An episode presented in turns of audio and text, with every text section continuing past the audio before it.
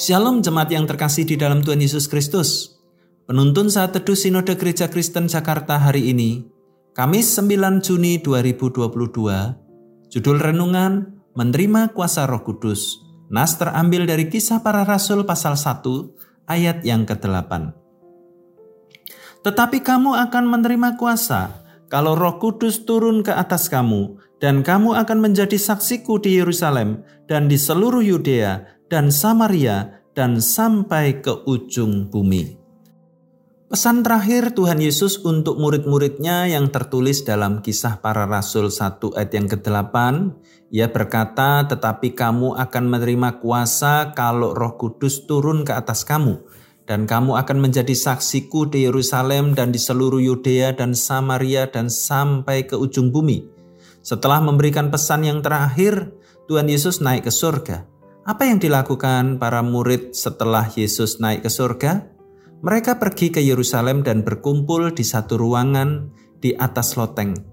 Para murid berada di sana karena Yesus sudah berpesan agar mereka tidak meninggalkan Yerusalem sebelum menerima kuasa Roh Kudus.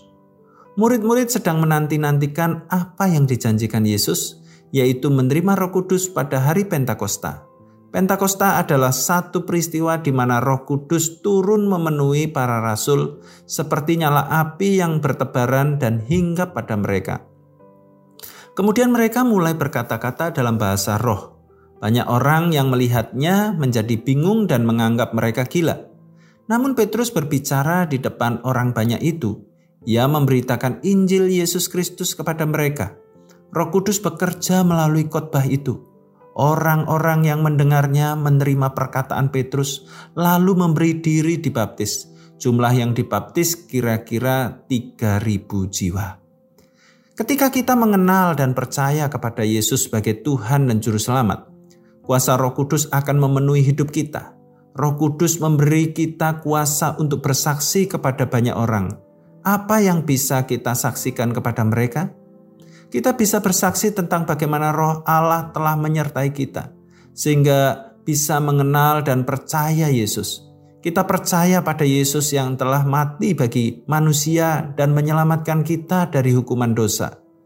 Roh Kudus akan bekerja melalui kesaksian hidup kita, sehingga orang lain dapat mengalami jamahan kuasanya. Kuasa itu yang memampukannya untuk percaya kepada Yesus sebagai juru selamat hidupnya. Ketika menerima kuasa Roh Kudus, kita diberi kuasa untuk menjadi saksi-saksi Kristus. Selamat beraktivitas, Tuhan Yesus memberkati.